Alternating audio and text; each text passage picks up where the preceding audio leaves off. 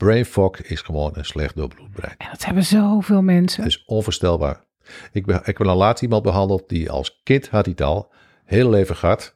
Bij de tweede behandeling kwam hij, dus na 14 dagen kwam hij terug en zegt, ik ben een derde van mijn brain fog kwijt. Jemig. En ik heb al momenten dat ik me heel goed voel.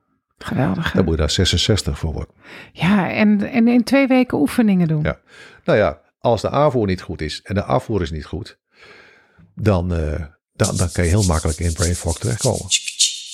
Mijn naam is Hans Timmerman en ik ben vandaag in de house.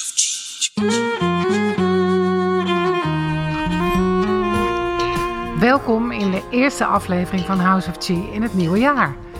2022 is begonnen. Dus ik wil je heel graag een heel mooi jaar wensen. Een jaar vooral waarin we de vrijheid en het vertrouwen voelen dat wij er samen echt iets magisch van kunnen maken. Natuurlijk wens ik je een heel goede gezondheid. En daarom heb ik een heel bijzondere gast vandaag. Hans Timmerman. Hij is fysio, hapto en ademtherapeut, maar vooral is hij de ontwikkelaar van de Epifora-methode. Dit is een combinatie van vrij simpele technieken die je zelf eenvoudig kunt leren en zelf thuis kunt doen.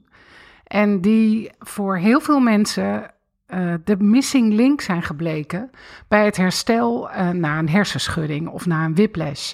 Klachten die maar niet overgaan, zoals brain fog, migraine, fibromyalgie, eh, slapeloosheid, intense vermoeidheid. Als dit dingen zijn waar jij last van hebt, dan zou ik zeker even blijven luisteren. Hans, wat fijn dat je in de podcast bent. Welkom. Ja, spannend.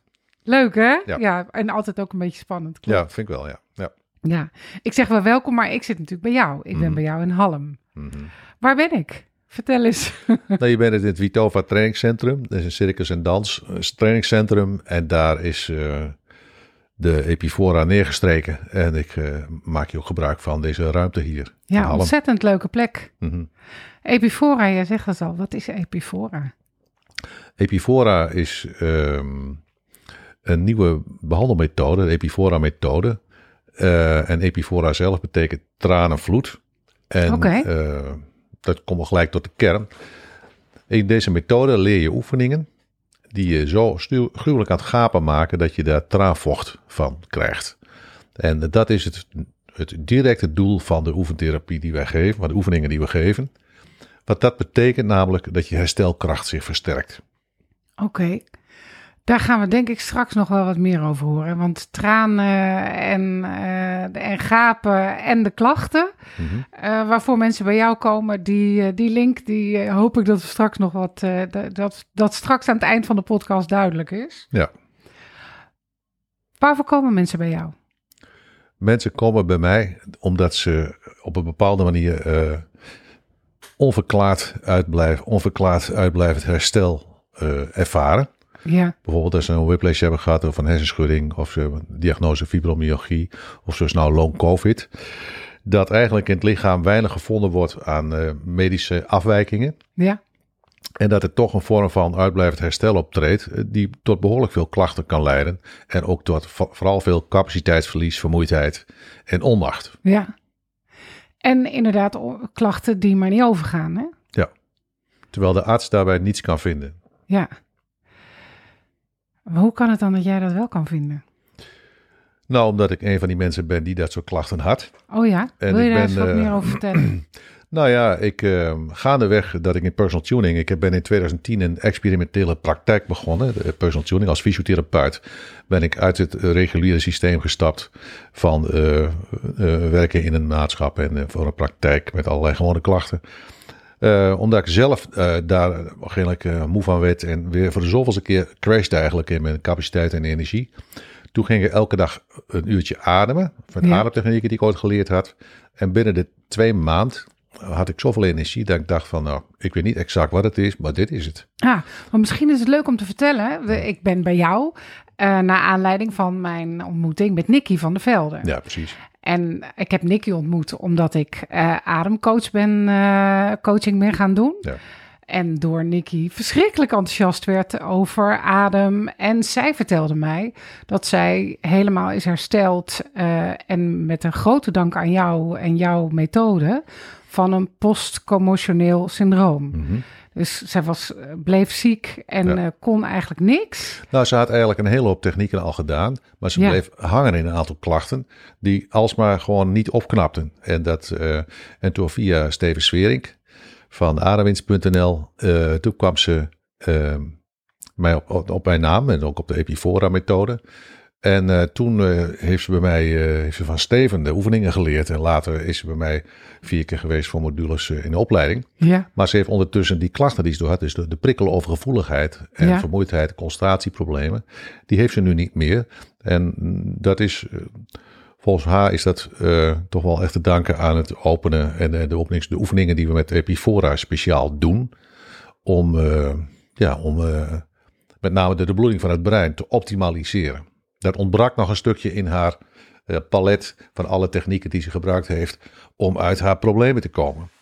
En zie je dat vaak? Dat, dus, we, hebben het net ook al gehad hoor, Mhm. dat klachten niet herstellen. Maar ik vind dat zo tof en zo belangrijk om te benadrukken. Dat je Mhm. lijkt een soort van sleutel te hebben gevonden die eh, nog niet eerder, eh, waar ik in ieder geval nog niet eerder van heb gehoord. Eh, zoals ik de Epifora-methode nu neerzet, zeg ik: de Epifora-methode is een ontbrekende schakel in veel vormen van eh, onverklaard uitblijvend herstel. Bijvoorbeeld bij een postcommotioneel syndroom, maar ook bij een whiplash of bij fibromyalgie of chronische vermoeidheid. En ehm, dus het, het is een, een nieuwe manier van denken, Ja. daar waar je normaal niet verder komt. En kan je eens uitleggen wat het dan is wat je hebt ontdekt, wat nog Mhm. niet ontdekt was? Ja, dat zal ik proberen. Ik Ja. zal proberen het eenvoudig te houden. Ja, Ehm, de doorbloeding in je brein kan achteruit gaan, kan onvoldoende zijn zonder dat je dat weet. En zonder Ja. dat je dat medisch gezien kunt waarnemen.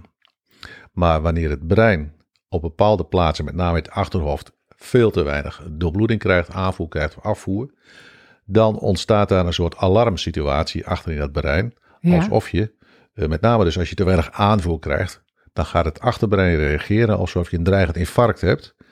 En dat geeft een verkramping in alle bloedvaten in je lichaam. ja, En als het maar aanhoudt en doorgaat, dan gaat die verkramping wordt steeds erger. En op het laatst staan al je bloedvaten verkrampt. Je zit hoog vast in je in stressadem. En eh, je krijgt allerlei verschijnselen. Waarbij je dus niet weet precies wat je hebt. Uiteindelijk krijg je daar bijvoorbeeld een diagnose bij. Bijvoorbeeld eh fibromyalgie syndroom. Of een postcommotioneel syndroom. Ehm, waarbij alles wat je eraan doet ook niet, je niet uit de, uit de klachten helpt. En ehm, met name als je daarbij een aantal bijzondere verschijnselen hebt. Die ga ik nu toch even opnoemen. ja, Een drukgevoel op je hoofd. ja. Wat bedoel je daarmee? Uh, alsof er iets op je, een, een soort tegel op je hoofd drukt, bovenop je hoofd. Oké, Kan ook een vreemd trekgevoel aan de binnenkant van je hoofd zijn. In ieder geval een, een vreemd druk trekgevoel bovenop je hoofd. aan je huid zeg maar. Nee, uh, op je schedel. De Oh, je voelt het in je Op hoofd. de schedel. Voelt dat als hoofdpijn? Nou, het is een vreemd gevoel. En er zijn verschillende vormen van hoofdpijn. Ja, Maar de mensen die het herkennen, die het hebben, ja, ja die herkennen dit die weten meteen. onmiddellijk wat ik zeg. Waar op, waar op je hoofd? Met Bovenop- acupunctuur vragen we ook het altijd hoofd. waar in je hoofd. Maar... Bovenop het hoofd. Oké. Bovenop dat- je hoofd een drukgevoel. Dat is Ja. een van de kenmerken. Ja, medisch gezien zeggen we craniale drukgevoel. Ja. Bovenop je cranium.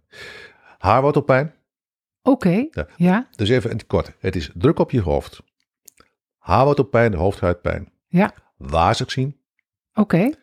Prikkelovergevoeligheid, dus licht geluid. Huidprikkels, algemene prikkels. Ja. Je hebt het snel koud in je lijf. Eh, je bent verzuurd in je spieren, dus je spieren die alsof je heel erg gesport hebt en je hebt geweldig veel spierpijn, er is veel verzuring, verkramping in je spieren.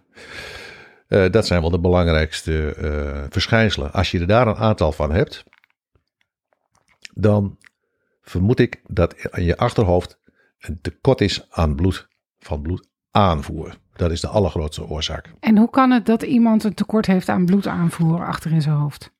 De belangrijkste reden is dat je in je nek een blessure hebt of een houdingsprobleem hebt bij hypermobiliteit, waardoor er minder bloed omhoog stroomt door je nekwervelom omhoog Ja. naar, achter, naar je achterhoofd toe. En dat is bij een whiplash kan je het hebben, bij een ongeluk, maar ook door houdingszwakte kan er te weinig bloed omhoog stromen. Dan stroomt er te weinig bloed in je achterhoofd, Ja. in je brein bedoel ik met name, in je brein. Normaal gesproken heb je hulp van een cirkel van Willis. Dat is de verbinding tussen je halsslagaders in het hoofd en je nekslagaders in het hoofd. is een rondlopend adersysteem. Ehm, als je een whiplash hebt en je hebt minder bloed, komt er omhoog vanuit je nek. Ja. Dan word je wel van de voorkant naar achteren doorgepompt, het bloed. Door de cirkel van Willis, de verbindingsbloedvaten in je hoofd. Dus je hebt, je hebt zeg maar voor bij je keel of bij je hals. Ja. Daar gaat bloed naar je hoofd. Dat is 80%. En achter via Dat de rug en je 20%. nek. Ja. En, oh oké. En dat moet mooi bij elkaar komen en rondcirculeren. De cirkel van Willis die stuurt dat rond door het brein. Oké. En het probleem is dat die cirkel van Willis bij een derde van alle mensen goed is aangelegd. En dat er bij twee derde van alle mensen van alles kan mankeren aan de bouw en de, zeg maar, de uitvoering van die cirkel van Willis. En als je de pech hebt dat die cirkel van Willis slecht of matig is uitgevoerd, Ja. dan kan het zijn dat delen van je achterbrein puur afhankelijk worden van wat er door je nekwervelkolom Ah, ja, ja, ja. omhoog stroomt. En als je daar nou net toevallig daar een houdingsprobleem hebt of een whiplash of een ongelukje wat, dan krijg je te weinig voeding door die nekslagaders omhoog naar het achterbrein, Ja. dat het achterbrein te weinig bloedaanvoer krijgt bij te weinig hulp door, de, door een niet goed aangelegde cirkel van Willis. En dan ontstaat er de situatie dat de bloedaanvoer in het achterbrein een nijpend tekort kan vertonen. Ja. Daar loopt ook de bloeddruk naar beneden, omdat het niet goed zeg maar, opgepompt wordt door de bloeddruk van onderen. En dat leidt tot dat brein ervaart dat als een naderend infarct, alsof het bloedvat dicht gaat. Ik kan het zeggen, een infarct is dat het ergens verstopt zit. Hè? dat het verstopt zit. En dat leidt in het lichaam tot, tot, tot wat we noemen sympathicus eh, actie. Ja, dus het, de, de, de, stressactie. actiemodus, Ja, de de, van je En zenuwstelsel. in dit geval is het zo dat alle bloedvaten in je lichaam die kunnen verkrampen, die gaan verkrampen. Aha, Dat is heel anders dan dat je alleen stress hebt en dan heb je ook een sympathische reactie. Dan gaat er nog bloed voluit naar je spieren, je hart en via je nekslagaders omhoog naar je reptiele brein, de hersenstam. ja. Maar in dit geval slaan alle slagaders in een totale verkramping in de hoop dat er toch minder schade komt bij dat naderende infarct. We noemen dat de collapsneiging, Oké, waarbij het dus lichaam sympathisch, enorm sympathisch reageert.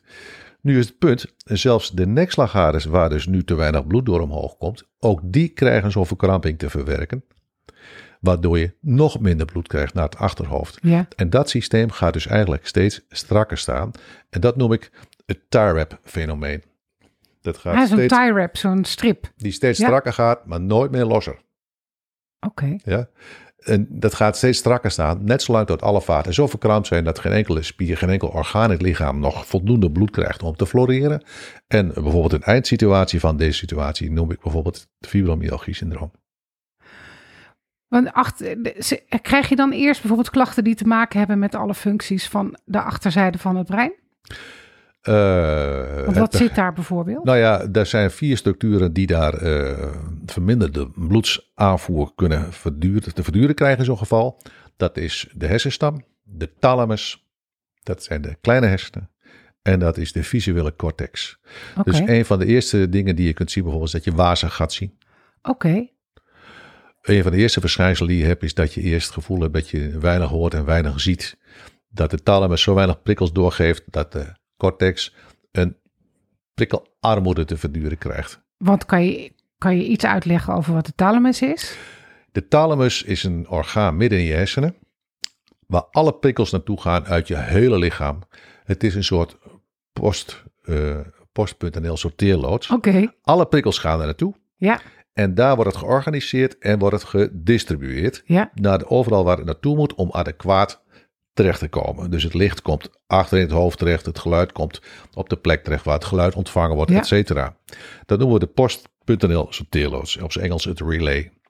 En die thalamus kan volledig afhankelijk zijn van wat er vanuit je nek nog omhoog stroomt bij een echt slecht aangelegde cirkel van Willis. oké, En als die thalamus te weinig functie krijgt, dus capaciteitsverlies krijgt, krijgt de cortex de situatie dat er een prikkelarmoede ontstaat. Daarmee bedoel ik ook in het begin kan het dat je zegt ik zie weinig, ik voel weinig, ik hoor weinig. Dat kan uiteindelijk doorslaan omdat de collapsneiging achter in het brein geeft altijd een strakke sympathische reactie. Dat de prikkels toch te hard naar binnen schieten en dan zijn we overgevoelig voor licht en geluid en voor huidprikkels. Dus sensitisatie ontstaat door een aanvankelijke prikkelarmoede in de cortex, die in de cortex altijd wordt opgevangen door neuroplastische vergroting van de plekken van ontvangst. Ja. En een actievere ontvangst. Dus ze zuigen als het ware alle brieven en pakketjes uit die sorteerloods. Ja. En dat kun je waarnemen op een MRI. Als je een whiplash hebt gehad en je, raakt- je hebt sensitisaties op licht en geluid, dan zie je dat de plekken van ontvangst vergroot zijn en actiever zijn. Ja, en dat bizar, komt door de, doordat die thalamus te weinig capaciteit heeft door een slechte doorbloeding. Ja. Zo, is de, zo luidt de hypothese van, van de Epifora-methode. Zelfs de handen bijvoorbeeld in zo'n geval, die krijgen meer neuronen in hun huid, vaten bijvoorbeeld, Ja. om meer prikkels te kunnen maken, zodat er toch nog prikkels eh, overkomen in de cortex. Ja. Dus die prikkelarmoede door die slechte thalamusfunctie, die eh, zorgt voor sensitisatie, dus vergroting in de ontvangst, Ja. maar ook versterking van de Dus, dus in eh, Jip en Janneke taal, eigenlijk zitten er zeg maar, eh, er zitten eh, arbeidertjes in je hoofd die die prikkels willen ontvangen. En omdat die op halve kracht werken, zeggen ze nou dan doe maar meer arbeidertjes erbij die ook op halve, Precies. halve kracht werken. Precies. Want dan kunnen we met z'n allen proberen om meer te ontvangen. Exact. En omdat iemand in de stress staat, dus eh, in die collapsneiging sta je altijd sympathisch dominant eh, over langere tijd, dat raakt, geeft ontregeling, dan schieten alle prikkels toch door die thalamus heen. Ja. En dan komt het veel te hard binnen en dan moeten we een zonnebril opzetten. Dan Ja. doen we oordoppen in en dan zeggen we tegen mensen, soms raak me niet aan op de huid, want Ja. ik kan het niet verwerken dat je me aanraakt op de huid. En, ik, eh, ik ken ook, ik heb bijvoorbeeld iemand in mijn praktijk die heeft eh oorsuizen, maar ook hyperacusis. Dat is een, ook ge- gevoel, overgevoeligheid voor geluid. Dat gaat vaak samen. Mhm. Dat zou hier dus ook mee te maken kunnen hebben. Inderdaad, klopt. En het gaat ook heel vaak gepaard. De sensitisatie op het oor Ja, heeft ook vaak te maken met doofheid voor bepaalde frequenties. Want als de cortex een aantal frequenties niet ontvangt, de cortex, de cortex is, waar, waar je mee luistert, waar, waar je mee hoort, wat je is ontvangt. dus een deel van, het, he- van de hersenen. Bovenin je hoofd, Ja. waar je dus de, eh, dat zijn de ontvangststations. Je ziet bijvoorbeeld in je visuele cortex, in je achterhoofd, daar zie je mee. Je ziet niet met Ja. het oog, je ziet met je achterhoofd. Ja. Als je op je achterhoofd valt, zie je sterretjes. Dat het komt niet vanwege je oog, maar wel vanuit eh, die visuele cortex natuurlijk. Zo heeft het geluid wat je ontvangt, heeft ook ergens een plek waar je het ontvangt. En wanneer die dat deel van de ontvangst een aantal frequenties mist door frequentiedoofheid, dan gaan ze op die frequentie neuroplastisch vergroten. En zelfs zo erg dat ze het geluid zelf gaan maken. Dat noemen we ook, noemen we ook wel centrale sensitisatie. Meestal is dat het gevolg van prikkelarmoede, om welke vorm, om welke reden dan ook. dus dat zou ook een verklaring kunnen zijn voor oorsuizen. Eh, dat is een, wereld, eh, daar kan het alle kanten mee op. Daar eh, Ja. laat ik me niet over uit, daar ben ik te weinig van. Oké, ja, ja, ja. nou, toevallig heb ik er net een podcast ook over gemaakt. Mhm. En dan vanuit Chinese geneeskunde, waarbij ook stress en spanning en veel meer dan Mhm. in de reguliere gezondheid wordt ook vaak gekeken naar trilhaar-epitheel. Precies. Maar vanuit Chinese geneeskunde, ons verhaal lijkt heel veel op dat van jou.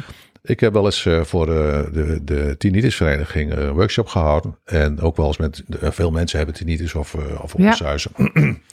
en wat ik ehm, daarbij in de praktijk zie, dat als de thalamus weer goed doorbloed is, dat de algemene sensitisaties afnemen. Ja, En dat meestal ook het oorsuizen of tinnitus daar ook eh, positief op ja. reageert.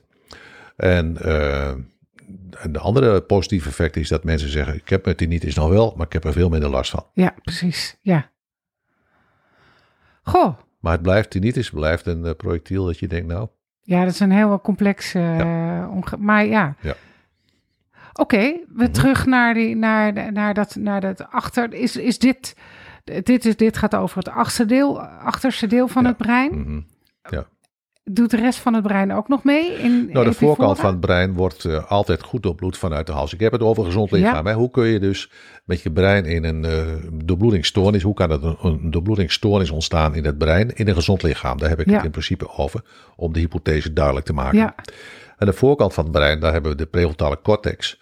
Daar kan ook een verkramping ontstaan in de bloedvaten. Wanneer je dus eh, in een stressademhaling zit, in een stressrespons, krijg je een lichte vasoconstrictie, een verkramping naar je prefrontale, cortex. ja, Om het denken wat zwakker te maken, waardoor je voor je flight, fight-flight, spieren, hart, reptiele brein, dat daar de meeste ja. actie, eh, actiepotentiaal naartoe gaat.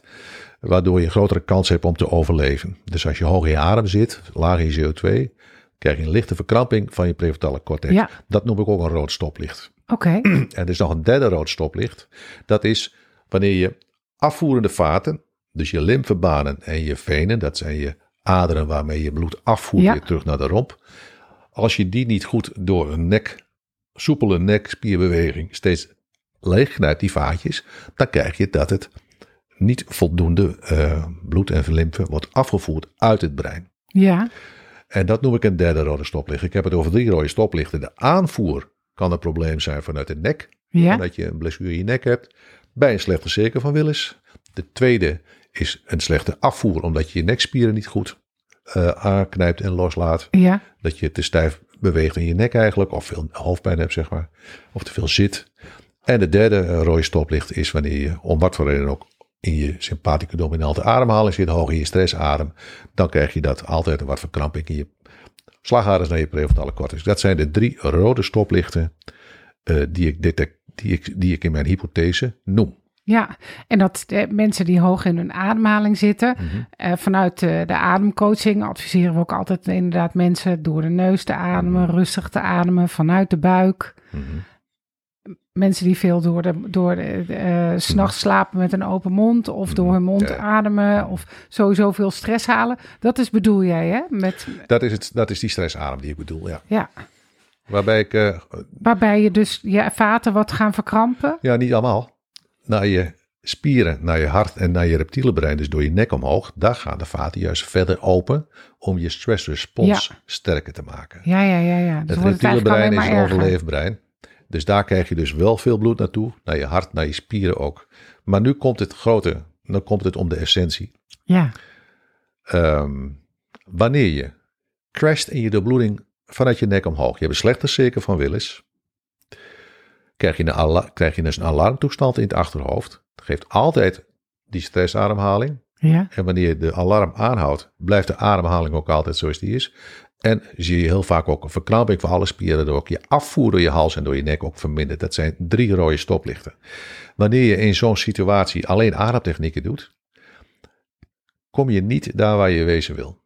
nee, ik begrijp het. En als je daar alleen of Want die cirkel van acupunctuur doet, Willis, dat probleem heb je dan niet opgelost. je, hebt, je houdt twee rode stoplichten over en die zijn zo dominant dat hoe je ook aan acupunctuur of homeopathie of aan eh, psychotherapie, MDR, zeg maar, al je interventies, al je, alles wat je zelf ook probeert Ja. om eh weer parasympathisch te worden, dus gewoon gecenterd in jezelf, die worden allemaal gedwars, kunnen heel erg gedwarsboomd worden wanneer die twee eerste rode stoplichten dus aanvoeren bij een slechte cirkel en afvoeren Ja, wanneer die dominant zijn. En nu kom ik erbij. Maar wanneer het zo dominant is, ja, dat aanvoerprobleem omhoog, dan kom je in die verschijnselen. Druk op je hoofd, haveltepijn, wazig zien, verzuring in je spieren, prikkelovergevoeligheid. En je bent koud in je lijf. Ehm, en dat is de reden waarom ik eh, me druk maak om deze Epifora-methode.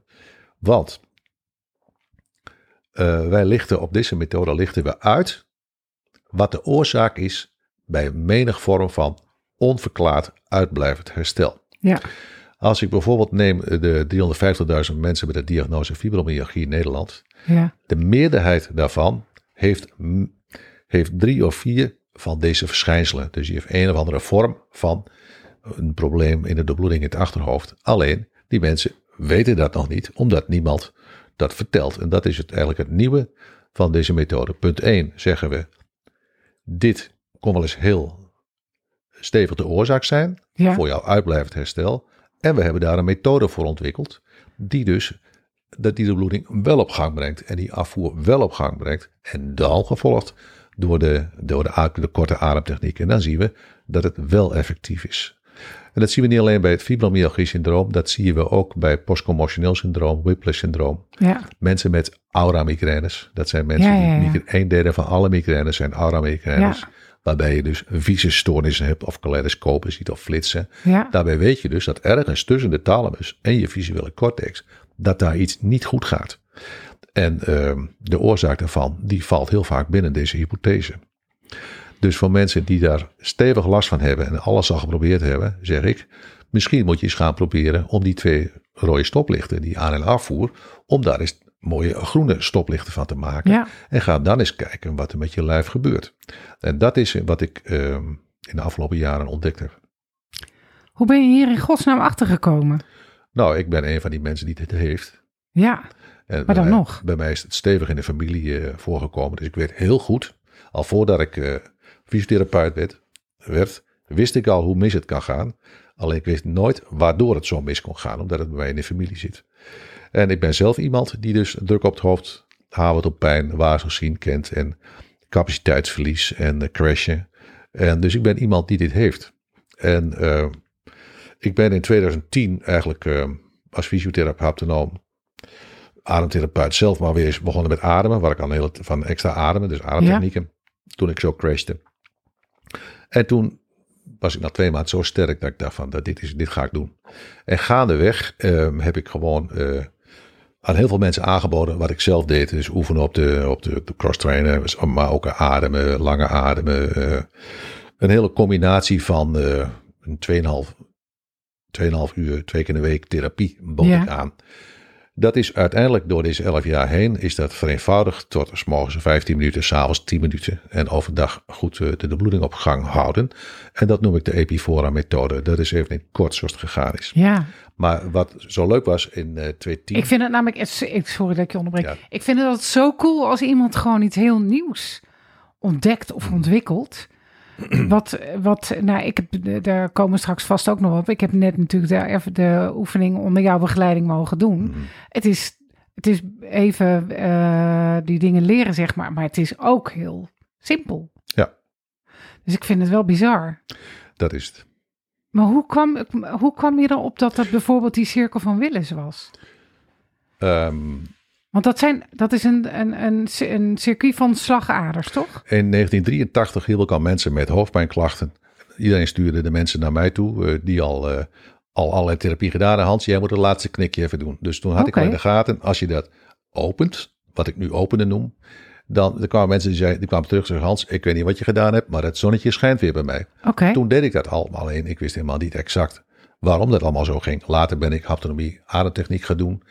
Eh, in 2010 ben ik weer fysiotherapie gaan doen, een praktijk in Havelte gehad.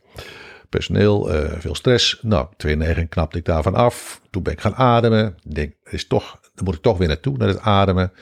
En ehm, in 2010 ben ik begonnen met personal tuning praktijk, een experimentele praktijk in Emmeloord. In dat jaar, of in 2011, kwam ik in contact met Ed en Hanneke Griep. Dat zijn twee reumatologen die eh, toen, Ja. toen Emmeloord en Sneek, nu alleen nog in Sneek. dat waren mensen, reumatologen zijn ze nog, die eh probeerden op een andere manier naar reumatologie te kijken. Dus niet alleen met het eh, verstrekken van medicijnen. Ja. Maar ze waren ook vooral betrokken bij eh, mensen met bijvoorbeeld het fibromyalgie-syndroom. Het Griep is gepromoveerd op het onderwerp fibromyalgie-syndroom. En heeft daar laten zien dat het geen auto-immuunziekte is, maar dat het een neurovegetatieve dysregulatie betreft. ja. En eh, zij waren, en zijn ze nog bezig om daar anders naar te kijken. En toen kregen ze eh, verslagen mij ook. Mensen uit hun praktijk kwamen weer terug. Bij hun praktijk waren ze bij mij geweest. Toen zeiden ze, wat jij doet, dat helpt. ja. En ehm, toen hebben we contact gezocht met elkaar. Dus zijn we gaan samenwerken. Oh, te gek. En toen ben ik bij hun in Uitwellingen gaan, ook gaan werken in de, de kliniek die ze hadden gebouwd.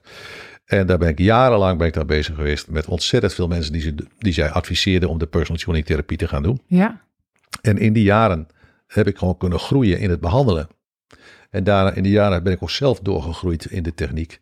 En eh, dus ervaringsgewijs, wat hielp, zijn we gaan uitvergroten. Wat niet werkte, zijn we gaan loslaten. En uiteindelijk is het nu geresulteerd, geresulteerd in wat ik noem de Epifora-methode. Dat is een, Ja. zeer compacte, effectieve oefenmethode. Met name geschikt voor mensen die vastlopen in eh, wat ik noem eh, deze drie rode stoplichten. En die Ja. dan zo klem komen te zitten dat niets nog helpt.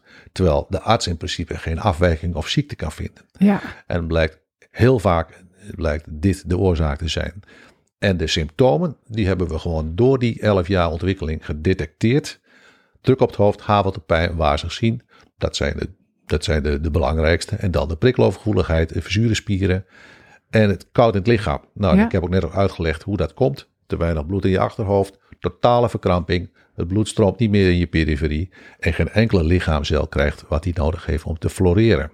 Daar sta je dus in de overleefstand. Ja, zeker. Is dat helder? Ja, Nou, en dat is eh, wat je, als je daar continu mee bezig bent. Ik heb nu elf jaar lang onafgebroken daar keihard aan gewerkt. mhm. Eh, nou ja, als je één ding doet, word je er wel zelf goed in. En dat is Ja. niet mijn intelligentie, maar dat is de toevalligheid dat ik fysio ben, hapto-ademtherapeut, dat je zelf deze klachten had. dat ik zichzelf die klachten heb. Dat mijn moeder daar dus nou, ontzettend onder geleden heeft. Ja, 30 jaar achter elkaar. Tot aan uh, herseninfarcten naartoe. En ik wist nooit wat ze had. Maar nu weet ik het wel. Eh, dat ik RT Hanneke griep tegenkom. ja, Dat zij mij zien. En dat we zo hebben kunnen groeien in dit inzicht. geweldig. En dat is een, een toevalligheid. Dus ik heb nou zo'n 15.000 behandelingen kunnen geven. Jemig. In eh, Nederland, ook in Duitsland. En ja, ik word steeds... eh, mijn inzicht wordt steeds helderder en duidelijker, maar ook steeds compacter. Ja, En op een gegeven moment wordt die zo compact en eenvoudig. Dat ik dacht bij mezelf, nu wordt het tijd dat we dat een methode gaan doen. ja. En waar kunnen mensen terecht voor jouw methode? Nou ja, in, in Halm geef ik het en in Enschede praktiseer ik het in de intentie, het eh, complementaire behandelcentrum in, eh, in Enschede. En hier in Halm, daar, daar geef ik eh, individueel. En moet niet de hele wereld dit weten? Nou, eh, dat is uiteindelijk het, wel de missie van mijn, eh, van mijn werk op dit moment, want ik ben uiteindelijk al gepensioneerd. Ehm, mijn doel is dat deze kennis bekend wordt Ja, en dat de toch vrij eenvoudige oplossing hiervan, dat die breed uit kan worden aangeboden aan mensen die graag uit deze klem willen. Ja. Want ik kan me voorstellen dat fysiotherapeuten, acupuncturisten, zoals ik zelf, of Mhm. craniosacraaltherapeuten, maar ook ademcoaches misschien, dat, eh, dat die hiermee zouden kunnen werken. Is dat, is dat, een, is dat, zie je dat als mogelijk? Of? Ja, dat is ook mijn doel. Ehm, ik werk in Enschede bijvoorbeeld samen met eh, diëtisten van Fuego. Die eh, heb ik ook eh, vier modules opleiding gegeven. Die weten precies hoe het werkt. Die krijgen mensen in hun praktijk. Die hebben bijvoorbeeld last van prikkelbare darmsyndroom. Of die, of die hebben het, geval, het gevoel van ik, eh, ik kan niet afvallen of ik kan niet aankomen. Eh, kortom, eh, daar, kan, daar kan het, eh, wat ik, eh deze symptomen en, en dus de, de, de drie eh, Hier gaan natuurlijk alle vrouwen in Nederland eh, van recht overeind zitten. Hè? Nou. Als je het woord afvallen noemt.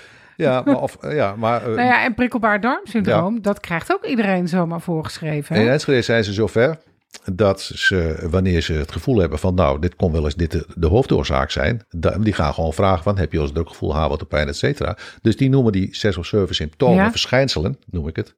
En als ze er een paar van aan kunnen vinken, dan zeggen ze nou, misschien moet je eerst maar eens de Epifora-methode gaan doen. En mocht je dan nog eh, darmklachten hebben, dan hoor je wel weer, dan kom maar weer terug in onze praktijk. Ik geef natuurlijk altijd wat voedseladvies. Maar, en Maar die waar- detecteren dus, Ja. en nu noem ik toch het woord, die detecteren dit verschijnsel op de verschij- eh, dit, dit fenomeen op de verschijnselen. En dat is mijn missie, dat we dat in de zorg gaan zien, in het onderwijs. Ja, eh, tuurlijk. waar dan ook, mijn jongste klant was een jongetje van 11, die dus al die verschijnselen had. Hij was hypermobiel en was gecrashed in zijn bloeding. Zijn moeder die had het ook. Die had eh, ook dit soort klachten en die had, was perfect genezen door de methode. En eh, toen zei ze, nou dat mannetje van mij, dat gaat helemaal niet goed. Nou, ik zei ook al, eh, wanneer jij een slechte cirkel van Willis hebt, zoals ik dat in mijn hypothese dat Ja. zeg, dan is dat familiair. Want de bouw van de cirkel van Willis is familiair. Oké, Dus bijvoorbeeld het fibromyalgie-syndroom waart door families. oké. En dat is niet, al, niet omdat ze allemaal, het, allemaal op het achterover zijn gevallen. Of, of, of eh, dat ze alleen maar gestrest zijn. Of, nou ja, er, er zijn zoveel van die clichés over fibromyalgie. Nee, Ja, de aanleg van de cirkel van Willis is de dominante factor bij al of niet het ontstaan van het fibromyalgie-syndroom. en kan die cirkel van Willis zichzelf ook weer herstellen? Of? Nee. Oké. Wij zijn, dus, terug, want wij zijn ja, dus altijd zelf verantwoordelijk voor de debloeding van je brein. Als je weet hoe je dat moet doen. met jouw dus- oefeningen. Ja, dus ik zeg, laat het niet van de cirkel van Willis afhangen. Want je weet nooit hoe goed jouw cirkel is. Om jouw brein optimaal van bloed te voorzien. En ook het goed af te voeren. Waardoor jij zeker weet dat jouw brein in een maximale capaciteit staat. En even terug naar wat je net zei. We hadden het over afvallen en over pri- prikkelbare darmsyndroom. Mhm. Zou je mij nog eens uitleggen, of misschien heb ik het gemist, waarom dat ook uh, in dit plaatje past? Wanneer je je aanvoer stagneert door je nek omhoog en er komt een, uh, een zoals het, het brein al reageert met een alarm, met een uh, collapsalarm. Ja. Dan gaat alle vaten verkrampen. Ja.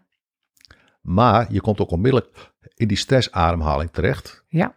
En dan, omdat je CO2 zo daalt door die ademhaling, krijg je het mechanisme dat je darmen strak gaan staan. Ja. Niet meer in de peristaltiek gaan, die gaan verkrampen. En die wachten tot het gevecht met de tijger is beslist. Hebben ze het overleefd en de adem wordt weer normaal, de CO2 stijgt weer. Dan gaan de darmen weer aan het werk. Ja. Want die darmen, als die volop bezig zijn, liggen ze in de weg voor de fight-flight. Precies, je wil niet uh, naar, het toilet, naar het toilet moeten terwijl dat je aan het rennen bent voor de sabeltandtijger. De club die eerst naar het toilet ging, die heeft niet overleefd. Nee. Snap je dus de club die verkrampte op de darmen, die heeft overleefd. Daar horen we dus daar horen we met z'n allen bij. Nu komt het, als jij continu in een doorbloedingsprobleem achter je hoofd rondloopt, zit je continu hoog in je adem. Ja. En die darmen die denken dus van, wanneer is die tijger een keer weg? Ja. Maar die gaat nooit weg, die blijft altijd. Dat is ook de reden waarom mensen altijd waakzaam, altijd aanblijven en nooit uit kunnen gaan. Ja. Omdat het alarm achter in je hoofd gaat niet uit. Maar die darmen gaan dus blijven strak staan, die blijven strak staan. En uiteindelijk noemen we dat het prikkelbare darmsyndroom. Er zijn meer klachten die komen door langdurige stress. Bijvoorbeeld bij vrouwen kan soms, kunnen echt menstruatieklachten zijn door langdurige stress Mhm. soms. Of na langdurige stress, laat ik het zo zeggen. Ja. Of dat de menstruatie zelfs uitblijft. Mhm. Zou dat ook hier in, de, in dit... Nou, het vegetatief systeem, tussen sympathisch Ja. en parasympathisch, en het eh, endocrine systeem, dus het hormoonsysteem, Ja. zijn aan elkaar gekoppeld. Ja, Ja, alles is één, alles zit aan elkaar gekoppeld. ja Nou. Mijn hypothese heb ik voor het gemak maar gekoppeld aan het vegetatief systeem. Dus praat ik over sympathisch en parasympathisch. Maar een sympathico-dominantie betekent dat je altijd maar sympathisch staat. Mhm. Maar dat sleurt ook het endocrine systeem mee in een eenstand. Ja, Waardoor menstruatie extremer kan zijn, maar ook kan uitblijven omdat de hele cyclus daardoor in de war wordt geschopt. ja, Ook de menopauze, wanneer je sympathico-dominant staat, heb je geen zwenking in sympathisch, parasympathisch. Is het vaak een lange, langgerekte, hele vervelende menopauze kan daar het gevolg Ja. van zijn. En slaapproblemen? Idem dito, als jij drie rode stoplichten hebt, dan kom je niet in je lijf, niet in dromenland, blijf je wel in je hoofd hangen. Dus daar slaap je heel slecht van. Plus dat je niet door je eerste remfase komt. Ik ga nog even door. Zijn zoveel mensen op dit moment ook met klachten als depressie? Zit, zit dat hier ook in, in jouw plaatje? De oorzaak van depressie is natuurlijk een veelvoud van factoren. Mhm. Maar dit kan zeker een, eh, een factor zijn die heel stevig meespeelt. Want als jij stevig in je rode stoplicht hangt, zit je stevig hoog in je adem, zit je stevig in je hoofd of je gaat heel makkelijk onthechten. Wanneer je crasht in je achterhoofd over langere tijd qua de bloeding, Ja. dan ga je als persoon niet je lijf in, je schiet eruit. Heel veel mensen, daar hoor ik ook bij, die zijn vanuit die positie in de, over, in de overleefpositie gegaan, in een, in een dissociatiehouding. Dus die zweven voor een stukje boven zichzelf en die denken, ik loop hier wel rond, maar kon ook wel een rare film zijn waar ik in rondloop. Ja, Ik heb dat zelf 30 jaar gedaan. ja, want als jij zegt eh, eh, 35% van de mensen heeft maar een goed functionerende cirkel van Willis, dan wil het zeggen twee derde van de mensen niet. Mhm. En eh, dus zou dat niet, zou het, misschien sla ik door, maar iedereen die klachten heeft die maar niet overgaat, is het misschien niet onbestandig om te kijken eh, of die oefeningen van jouw baat kunnen hebben. Dat klopt. of Dus overdrijf ik dan? Nee, je overdrijft niet. Eh, wat ik gewoon geleerd heb in die jaren, is dat wanneer je gewoon die kleine oefeningen doet, dat je zeker weet dat je aanvoer goed is, dat je afvoer goed is, vergroot altijd je biokracht. Waardoor alle andere dingen die je faciliteert probeert te faciliteren, altijd. Weet je, ik heb niks nieuws ontdekt. Maar ik heb wel iets ontdekt wat hier in onze zorg en onze visie gewoon compleet ontbreekt. En eh, ik heb het zo kunnen uitvergroten en doorversterken. En dat daar een hele effectieve, eenvoudige methode voor ontstaan is. Die ik heel graag met mensen deel. Die rondlopen met uitblijvend herstel. Ja. En of je daarbij die verschijnselen allemaal hebt. Of je hebt ze net toevallig niet. Het werkt altijd mee bij alles wat je wil. Ja. Ik neem eens mee naar een, eh, naar, een, naar, een, naar een voorbeeld van een cliënt. Heb je een voorbeeld van iemand bij hoe zoiets kan gaan? Ehm, Hoe iemand binnenkomt en hoe lang duurt dat? Hoe lang, wanneer is iemand aan het herstellen? Ehm, dus de hersteltijd varieert van één nacht tot de rest van je leven. Oké, Het is heel erg afhankelijk van waar je mee binnenkomt. Hoe sterk je fysiek bent.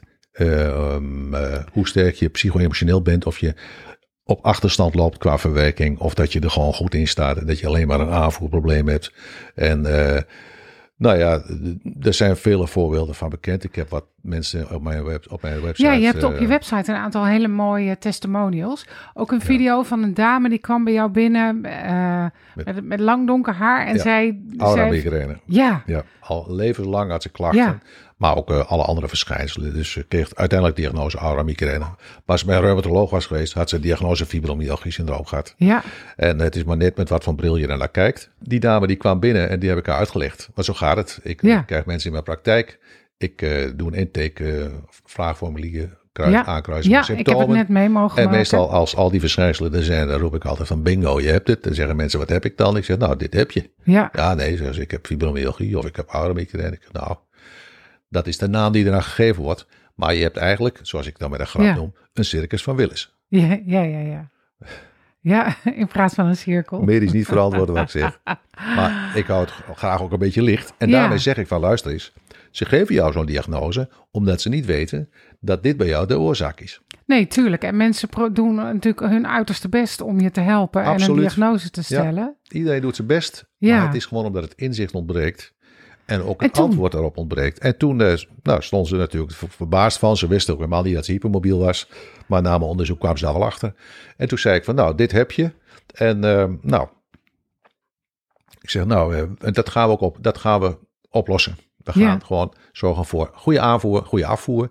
En ik leer je een ademtechniek dat jij binnen 15 minuten gewoon, dat noemde het woord parasympathie niet altijd naar de cliënt, omdat hij dat niet altijd begrijpt. Ik zeg, maar dan heb je drie chronische stoplichten. Ja, En precies. dan ga je de praktijk uit en dan ga je dat gewoon elke dag zelf doen. En dan zie ik je over 14 dagen terug. Dus jij deed met haar die oefeningen, Ja. zoals wij die net hebben gedaan. Ja.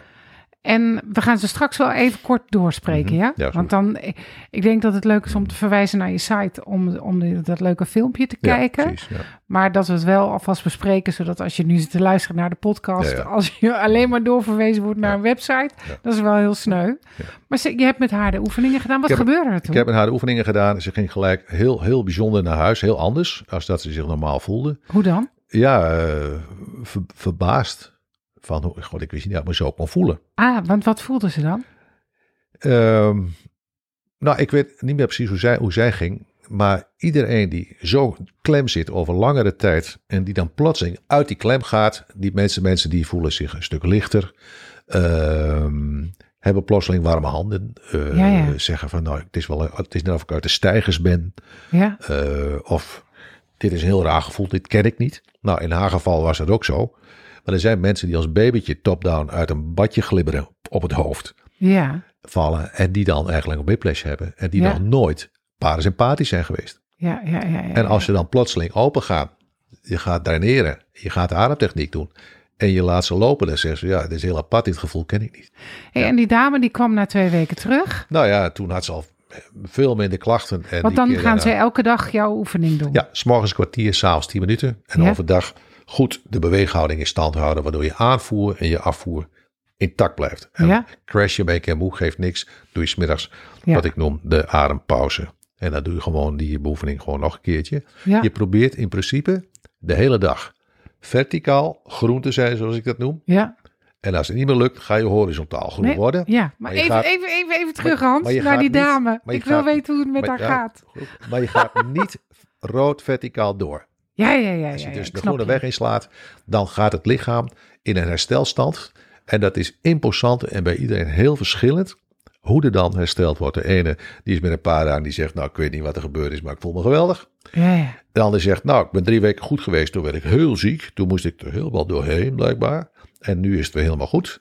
Oké. En je hebt mensen die zeggen, nou ik eh, kreeg een slappe lach toen ik naar huis ging. En eh, nou, eh, maar iedereen reageert anders. Want je kan drie rode stoplichten hebben, maar iedereen komt anders in die stagnatietoestand terecht. En in die sympathische dominantie. En iedereen verlaat de sympathische dominantie ook op een andere manier. En ik noem het altijd zo.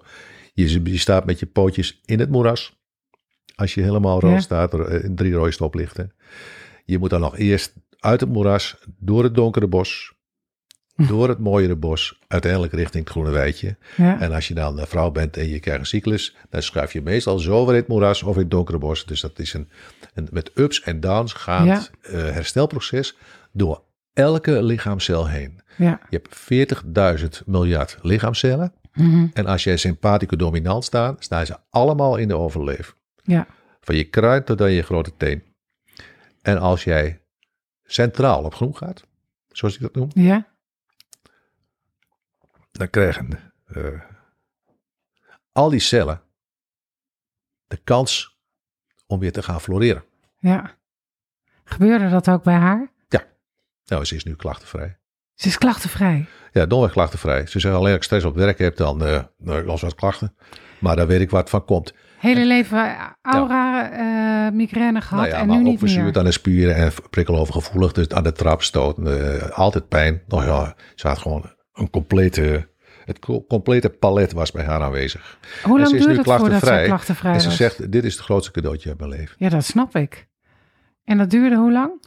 Nou, twee maanden. Dat is Nou, niks. binnen hè? een maand was ze eigenlijk al klaar. Fantastisch. Zo'n gezonde vrouw. Ja, Maar kansloos bij zo'n extreme ja, eh, eh, aanvoerprobleem vanuit de nek. ja. Met alle gevolgen van die. Hey, En zij is niet de enigste. Zo heb ik er heel veel meegemaakt. In verschillende gradaties. Ja, Je hebt mensen die hebben een stukje daarvan. Of die hebben wat meer trauma. Dus dan is het meer het ademwerk wat ze, wat ze, wat ze helpt. Eh. Maar echt mijn, de reden waarom ik hier zit. En waarom ik ook eh, met jou deze podcast doe. eh, ja, nou dat gaat me gewoon ook aan het hart. ja, Maar dat, dat er zoveel mensen rondlopen met deze verschijnselen. Ja, waarbij, we, waarbij ze niet gedetecteerd worden op die verschijnselen. En dan gaan we van allerlei dingen doen om ze te helpen. Maar we zijn bijvoorbeeld kansloos Ja. als iemand met deze verschijnselen rondloopt. Nou, en de kans is dat ze eh, eh, middelen krijgen of dingen die hun juist niet verder helpen. Iedereen is machteloos. Ja. Hoe, hoe goed bedoeld de Ja, hulpverlener het ook aanbrengt. Of doet met, een, met wat, wat dan ook. Ja. En dat is, dat is de essentie. Je noemde bij haar hypermobiliteit. Daar hebben we het nog niet verder over gehad. Ja. Wat is de relatie met hypermobiliteit? En, want daar ken ik ook best wel een aantal mensen Ja. van. Eh, mensen die eh, niet hypermobiel zijn, hebben minder kans om te crashen in hun houding in de nek. Ah, ja, ja. ja. Mensen die hypermobiel zijn, moeten harder werken om de houding in stand te houden. Zijn Ja. eerder moe en als, ze- als ze moe zijn en, en met hun houding inzakken, zakken ze dieper in als dat je Ja, niet hypermobiel bent. Dus de kans dat je crasht in je arterial flow in je nek is is groter wanneer veel je- groter ja. als je hypermobiel bent als dat je dat niet bent. Ah ja, En dat is de eerste reden. De tweede reden, eh, dat 85% van de mensen die dit heeft is vrouw. ja, 15% van mijn klanten is man. Die hebben een whiplash gehad of zijn hypermobiel. ja, Maar 85 van mijn klanten zijn eh, vrouw ja, vanwege eh hormoon elke maand. ja, Waardoor je in je sympathicus wordt geduwd. ja, Er zijn veel en veel meer vrouwen hypermobiel dan mannen. ja, Dat is de tweede reden. En de derde reden. Mannen hebben brains in hun hoofd en in hun hart Mhm. om te vechten voor hun gezin. ja, Vrouwen hebben dat ook, maar die hebben ook nog hersenen in hun buik. En dat Hmm. noemen we belly brains. Dus vrouwen blijven vasthouden in de zorg. Mannen laten dat eerder los en verdedigen hun gezin. Zorgen op een andere manier voor hun gezin. Eventjes eh, een ja. beetje algemeen. eh, Ja, ik begrijp, tuurlijk, dat begrijp ik. Dus hormonen, hypermobiliteit en belly brains. Mhm. Betekent dat 85 van de 100 mensen met een neurovegetatieve dysregulatie zijn gewoon vrouw. Ja, Waarbij hypermobiliteit, eh, nou, het, het hypermobiliteit wordt totaal onderschat als zijnde een oorzaak voor vermoeidheid, een oorzaak voor crashen met je nekhouding, crashen met je de bloeding bij een slechte zeker van Willis. Dus er zijn hele families waar de vrouwen hypermobiel zijn en ook nog eens een keer vaak aura migraine of fibromyalgie hebben. En dan weet je dus dat die mensen een nekprobleem ontwikkelen, een doorbloedingsprobleem omhoog. Ja. En dat ze collectief een hartstikke slecht aangelegde cirkel van Willis hebben. ja, En die families zouden, nou, dat allemaal zijn, die zouden gewoon, die zijn in staat om met deze methode de doorbloeding naar hun brein te optimaliseren. en de afvoer goed te regelen. En met de ademtechniek uit die sympathische dominantie te stappen. Ja, Waardoor ze, en ik heb soms hele families, eh, hele zussen Oh ja? en nichten onder behandeling en moeders, die allemaal één voor één komen, dat ze allemaal dezelfde problemen hebben. Ja, En die bijna allemaal, eh, of er moet iets anders bij aan de hand zijn, maar hartstikke mooi scoren op de methode. ja. En eh, dat versterkt mijn, eh, mijn, Ja, mijn, overtuiging drive. ook. Ja, Ja. Mijn overtuiging ook dat dit stuk, omdat ik, nou ja, ik kijk om me heen. Ik zie maar weinig mensen die, die er zo over denken als ik. En, die de, en ook zeker, kijk, de kranische kralen komen in de buurt, Mhm. maar geven weer niet de ademtechniek. Eh, mensen met allerlei ademtechnieken geven weer niet het openen. Ja. En de, en de, en de, dus ehm, wat ik zelf zeg is dat de Epifora-methode, vooral de, de hypothese, de gedachte erachter en de toepassing, eh, alles wat iedereen doet, kan verbeteren, kan versterken. ja, dat begrijp ik. Bijvoorbeeld mensen die in de Wim Hof-methode, die dus in het ijsbad gaan, maar die met zo'n circus, dat ijsbad, een circus van Willis in het ijsbad stappen, Ja, die gaan er weer uit. ja, Die houden de teentjes boven de ijsblokjes. Dat, dat, dat kan niet. Dus ik vind, dus zoals zo'n methode of andere ademmethodes, die moeten ook weten dat dit bestaat. ja, dat begrijp ik. Zo, dat, is, dat is mijn doel. Is dat jouw doel? Ja, mijn doel is dat mensen dit leren kennen. Dat Ja. mensen dit eenvoudigweg leren gebruiken. En dat ze daardoor wat ze al doen eh, eh, kunnen verbeteren tot een veel beter resultaat in, in hun werk. En in, ook in het onderwijs, maar ook eh, met acupunctuur of met homeopathie. Ja, En ehm, nou, mijn idee is dat als we met z'n allen goed detecteren, even goed doorvragen van nou, bij onverklaard uitblijvend herstel, heb jij toevallig dat, dat of dat of stukken daarvan, dan kon het wel eens zijn dat Ja, dit jouw oorzaak is. ja. En die kun je gewoon eenvoudigweg oplossen door een kwartiertje te oefenen, s morgens en s'avonds. Onvoorstelbaar, hè? Ik heb het net bij jou Ja. mogen doen, de oefening. Maar kan je ons eens een beetje doorheen eh, nemen? Ik ga het heel praktisch zeggen. Ja, Ik leer mensen eerst alle gewrichten, dus SI, wervelklom en het poortje te openen, waardoor er dus bloed omhoog stroomt weer naar je Ja. achterhoofd. Vervolgens leer ik ze in een oefening om te draineren. Met Ja. nek aanspannen, hals aanspannen in een, in een uitgekiende eh, ademtechniek. Heel rustig. En als het voorbij is, vijf minuutjes, dan gaat het wekkertje en dan ga je vijf minuten een ademtechniek doen. En die hou je gewoon keihard vijf minuten vol. Tenzij je te dizzy bent, doet iets kalmer aan. Na vijf minuten gaat die wekker weer. Die druk je in. Dan ga je vijf minuten heel rustig stil liggen. Adem even tegenhouden. Net zolang tot hij vanzelf weer komt. Dan doe je je blanco bodyscan. Dus je zegt tegen je lijf, nou alles wat je doet is goed. Want als jij vanuit het moeras door het donkere bos wordt ge- gezeuld, wordt getrokken, wordt gesleurd door alle Ja. cellen tegelijk. Is het meestal niet zo dat je gaat ontspannen, maar heel vaak ga je eerst wat trillen of je Ja. krijgt koude rillingen, et cetera. Dus ik roep altijd tegen de mensen, laat het woord ontspanning nou eens gewoon los. En ga nou eens gewoon zeggen, ik neem de levenskracht aan. dat vind ik wel mooi dat je dat zegt. Want eh, we hebben afgelopen weekend bij een ademretreat bij eh Mr. Breath, Rob Koning, hebben we ook weer die TRE-oefening gedaan. Mhm. Waarbij je eigenlijk spanning lostrilt. Ja. Dus inderdaad ontspannen, dan denken we, oh, we moeten helemaal stil gaan liggen. Mhm. Maar misschien wil je lichaam eigenlijk iets anders doen. Nou, de grap is dat die, die lichaamscel is de enige expert die weet hoe dat moet. Ja, En je hebt 40.000 miljard van die experts. ja, Dan geef je drie groene stoplichten aan al die experts. En dan mag je ervan uitgaan dat die virtuozen precies weten hoe die jou in het groene wijtje krijgen. ja, En die weg die ze nemen, die is aan hun, die is niet aan jou. ja, En als dat een weg is waarop je koude rillingen krijgt en dan warme, dan zal dat zo zijn. ja, Maar als je eerst warme rilling krijgt en dan koude, dan is dat de weg. ja, De kunst is om goed te screenen, goed te onderzoeken, goed te behandelen, goed te beoefenen. Dat je zeker weet wat nu gebeurt, is wat ik noem groenmakerij. ja, En dan hoef je niet meer te denken aan ontspanning of dat je denkt mijn lichaam moet dit of moet dat of s'nachts ik moet slapen. Nee, je kiest voor je kleur. je geeft het En wat gewoon de het lijf- tijd. En wat je lijf dan doet, is goed. Ja. Het beste wat je kan overkomen, dat sta je gewoon toe en het lijf weet dat wel. Toen wij net de oefening aan het doen waren, nou eigenlijk voordat we begonnen al, deed je een kleine oefening met mij, eh, met mijn kin. En ik ging onwijs gapen. Ja. Eh, en dat bleef, ik zou bijna, als ik het nu over heb, Ja, ga ik weer- alweer bijna wel weer gapen. ja. Hoe, kan, hoe, kan je dat, hoe kan je dat verklaren? Want je, Wanneer, ja. je zei net ook al, eigenlijk is dat wat je wil bereiken. Gapen, traanogen. Het doel van de Epifora-methode is gapen en traanogen. Waarom?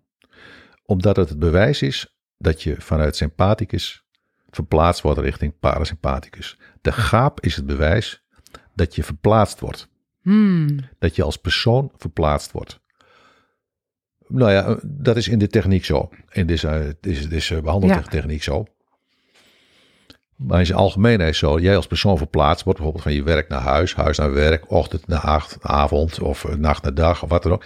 Die verplaatsing van je bewustzijn, dat je in een andere bewustzijnstoestand komt, gaat gepaard met gapen. Ja, Dus je verplaatsing van je positie, gaat, je wordt gegaapt als je van positie verplaatst wordt. In deze techniek maken we driemaal groen. ja, Daar krijg je zoveel biokracht van dat jou, jij als persoon, jouw bewustzijn, wordt verplaatst, eh, eigenlijk getranscendeerd je lijf in. Mhm. Met name als je dus mooi stil ligt en ademt dus voor de nacht, morgens met wakker worden. En die verplaatsingen van jou als persoon, ja, ik heb, leg het anker op het vegetatief systeem, maar je bewustzijn gaat in andere bewustzijnstoestanden, gaat fases doorheen, noemen we transcenderen. ja, Dus elke transcendente stap gaat gepaard met gaap eigenlijk. Of eigenlijk, eigenlijk weer weglaten. ja. Ja. Dus, Dus als- het fenomenale is, door die, wij willen ook verplaatst worden, maar je zit klem in je sympathicus dominantie op drie rode stoplichten. Dan maak je driemaal groen. En dan ga je kijken, dan ga je het lijf aandacht geven en vertrouwen geven dat hij jou verplaatst. En wanneer je dan beloond wordt door al, in jouw geval, al die meiden van jou, die 40.000 miljard van die eh, vriendinnen van jou, ja. ja, die laten jou gapen. Ja, En dan krijg Enorm. je traag, en dan krijg je traavocht van. En dan zeg ik epifora. ja, Want epifora is het Griekse woord voor traavocht, traanvloed. ja. En dan of je daarbij nu ontspant, spontaan, of je ligt een beetje te trillen. Allebei goed. Want Ja. wij willen maar één ding. Dat ze eh, weer gaan floreren. ja. En hoe ze die weg gaan vinden, dat is hun zaak. hey Hans, en nou zit ik straks te luisteren naar deze podcast en, ik, en, en iemand herkent zich overal in. Mhm. Wat nu? Nou ja, heb je, wil je weten, wil je iets meer over weten over de methode? We hebben een, nu een splinternieuwe website. Dat Ja. heet uh, www.epiforamethode met ph. epiforamethode.nl Ja, waar je dingen kunt zien. Ook eh, de verschijnselen, die, die detectieverschijnselen, die staan er heel duidelijk in. ja, Eh, ik, ik heb daar twee filmpjes voor professionals, eh, wat langer en uit, uitgebreider filmpje. En als je het even kort wil horen van hoe werkt het, er zit ook een filmpje waar ik het gewoon uitleg. ja. En, En kunnen mensen dat dan zelf thuis al meedoen? Met, Nou, naar aanleiding van jouw filmpje? Eh, ik laat in deze filmpjes geen eh, oefeningen zien. Die staan nog wel op personal tuning, eh www.personaltuning.nl. Daar kan je wel een aantal basisoefeningen zien in de eerste film, de laatste drie minuten van het eerste filmpje op de homepagina. Daar staan wel wat oefeningen op. En, is dat veilig om te doen? basisoefeningen kun je gewoon dus gewoon een vorm van, van, van, van oefentherapie ja, ja. die niet, niet direct gevolgen kan hebben voor jou als persoon.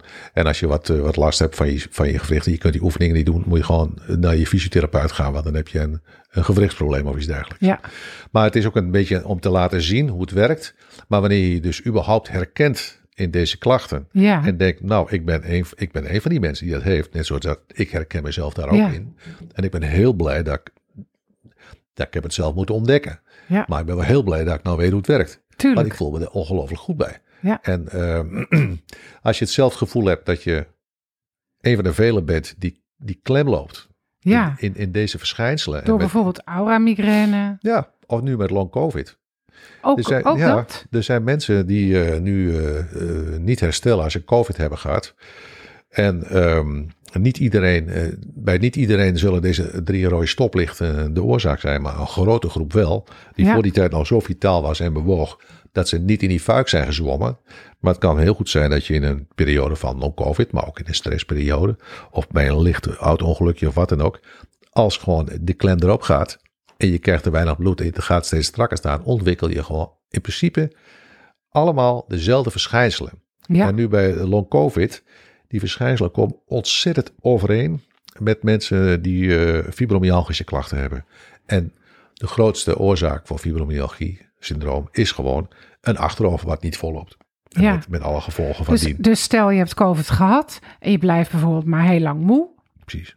En ook de, de, de, de zintuigelijke, dus de, de smaak- en reukverlies. Nee, dat is een viraal iets wat, uh, wat ik, wat ik niet kan uh, doorzien. Waar over het algemeen, uh, wanneer mensen met long COVID, dus long COVID hebben, die blijven moe, slapen slecht, ja. niet meer concentreren, brain fog van ja. hier te Tokio. Brain fog is gewoon een slecht doorbloedbrein.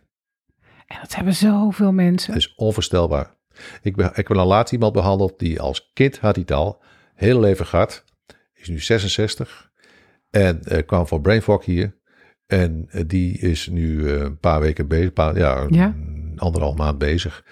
Maar bij de tweede behandeling kwam hij, dus na 14 dagen kwam hij terug en zegt: Ik ben een derde van mijn brain fog kwijt. Jemig. En ik heb al momenten dat ik me heel goed voel. Geweldig. Dan moet je daar 66 voor worden. Ja, en, en in twee weken oefeningen doen. Ja. Nou ja, als de aanvoer niet goed is en de afvoer is niet goed, dan, uh, dan, dan kan je heel makkelijk in brain fog terechtkomen. Ja. Het is een onderdeel van wat ze noemen het fibromyalgie-syndroom. Maar je hebt ook mensen die nou, gewoon sporten en nou, nou, wel aardig wat los zijn, die voornamelijk dus brain fog hebben als, als, uh, als verschijnsel.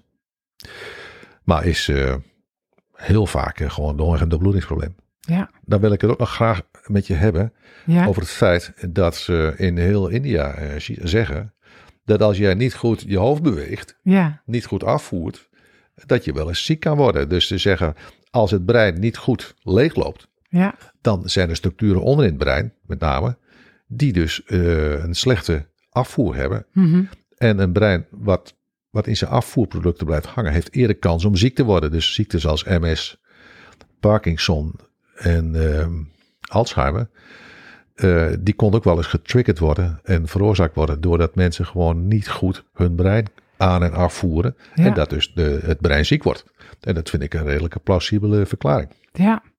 Nou, in Chinese geneeskunde noem je het ook inderdaad het, uh, het, troebele, het troebele yin dat door het heldere yang naar beneden afgevoerd moet worden. Mm -hmm. En die circulatie moet continu, dat, er, is, er, is, continu beweging, de beweging Ja. is nooit stil. Ja. Maar dat kan inderdaad, uh, dat is de, de, de, de, de, de meridiaan uitleg, zeg maar, of de yin-yang Ja. uh, beweging. Mm -hmm. Nou, mensen in de craniosacraaltherapie hebben of de liquor. Ja. Nou, ik heb herhaaldelijk meegemaakt dat mensen bij een craniosacraaltherapeut uh, al onder behandeling waren. Ja. En nadat ze dus de stoplichten op groen kregen, dat ook uh, de adem, de ademliquor Ja. van acht keer per minuut, geloof ik, Ja. die normaliseerde zich. uh, dat werd gewoon door craniosacraaltherapeuten vastgesteld. Ja. Dus dat, ja. Ja. Geweldig. Ja, want nou, want cranio, ik, in mijn praktijk doe ik ook, gebruik ik craniosacrale technieken ook. Ja. Ik heb een aantal modules uh, Ja. gedaan bij Upledger. Maar dit is Mhm. natuurlijk dan ook wel een kleine puzzel die, uh, die daar ook heel mooi bij past. Nou, wat, ja, wat, ik, uh, wat ik gewoon zelf belangrijk vind, is dat ik iets zelf kan doen. Ja, dat, dat begrijp ik. Niet ik. altijd een therapeut nodig heb Ja. om de boel los te maken, om mij weer op het pad te zetten. Ja. En uh, in dit geval ben ik voornamelijk verantwoordelijk, zelf verantwoordelijk voor mijn aan- en afvoer naar mijn brein. Ja, Voor mijn parasympathische toestand, waar ik mezelf in, in, in, in naartoe adem met de adem als motor. Want het openen en draineren is de poort die ik open.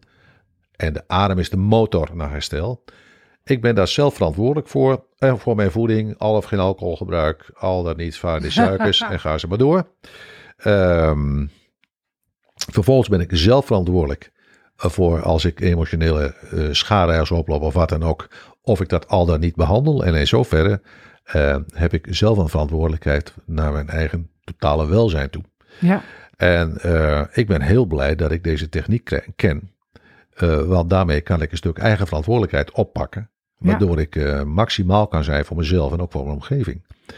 Nou, en dat eigen gereedschap vind ik belangrijk.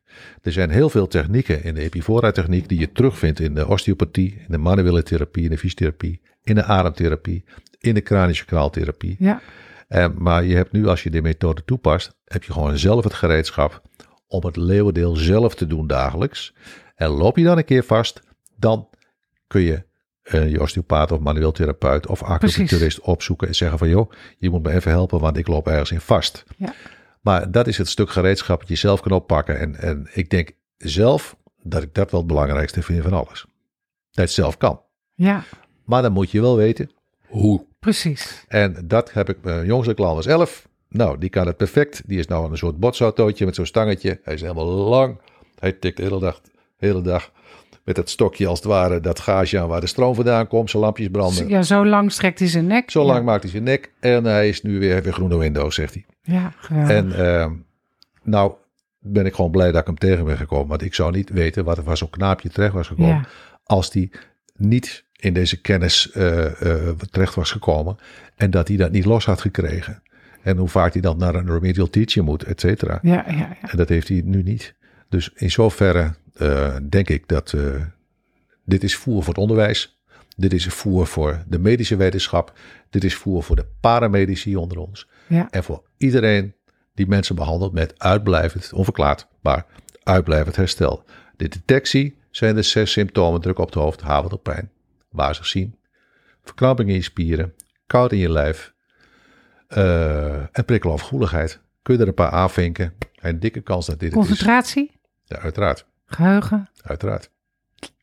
Ik zeg slapen? slecht slapen. Ja, Uiteraard. jongen, jongen. Ja. Hans, dankjewel voor dit mooie gesprek. Je gaat mij weer zien. Ja, heel leuk. Ja, heel leuk. En eh, ik hoop dat jou, eh, ik hoop heel veel met mij.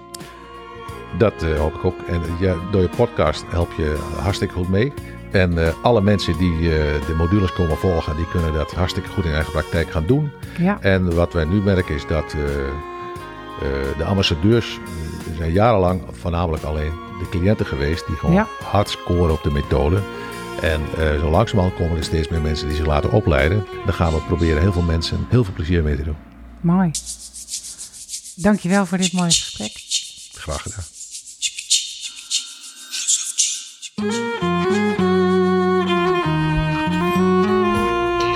Dankjewel voor het luisteren. En wil je meer leren over deze methode? Ga dan naar mijn website nataliekamp.nl. Daar vind je de link naar de Epifora-methode van Hans Timmerman. En dat geldt natuurlijk voor als je het over je eigen gezondheid gaat, maar ook voor therapeuten. Het is een prachtige aanvulling op het werk wat je al doet. Dus ik zou zeggen, doen. Laten we er een heel mooi jaar van maken.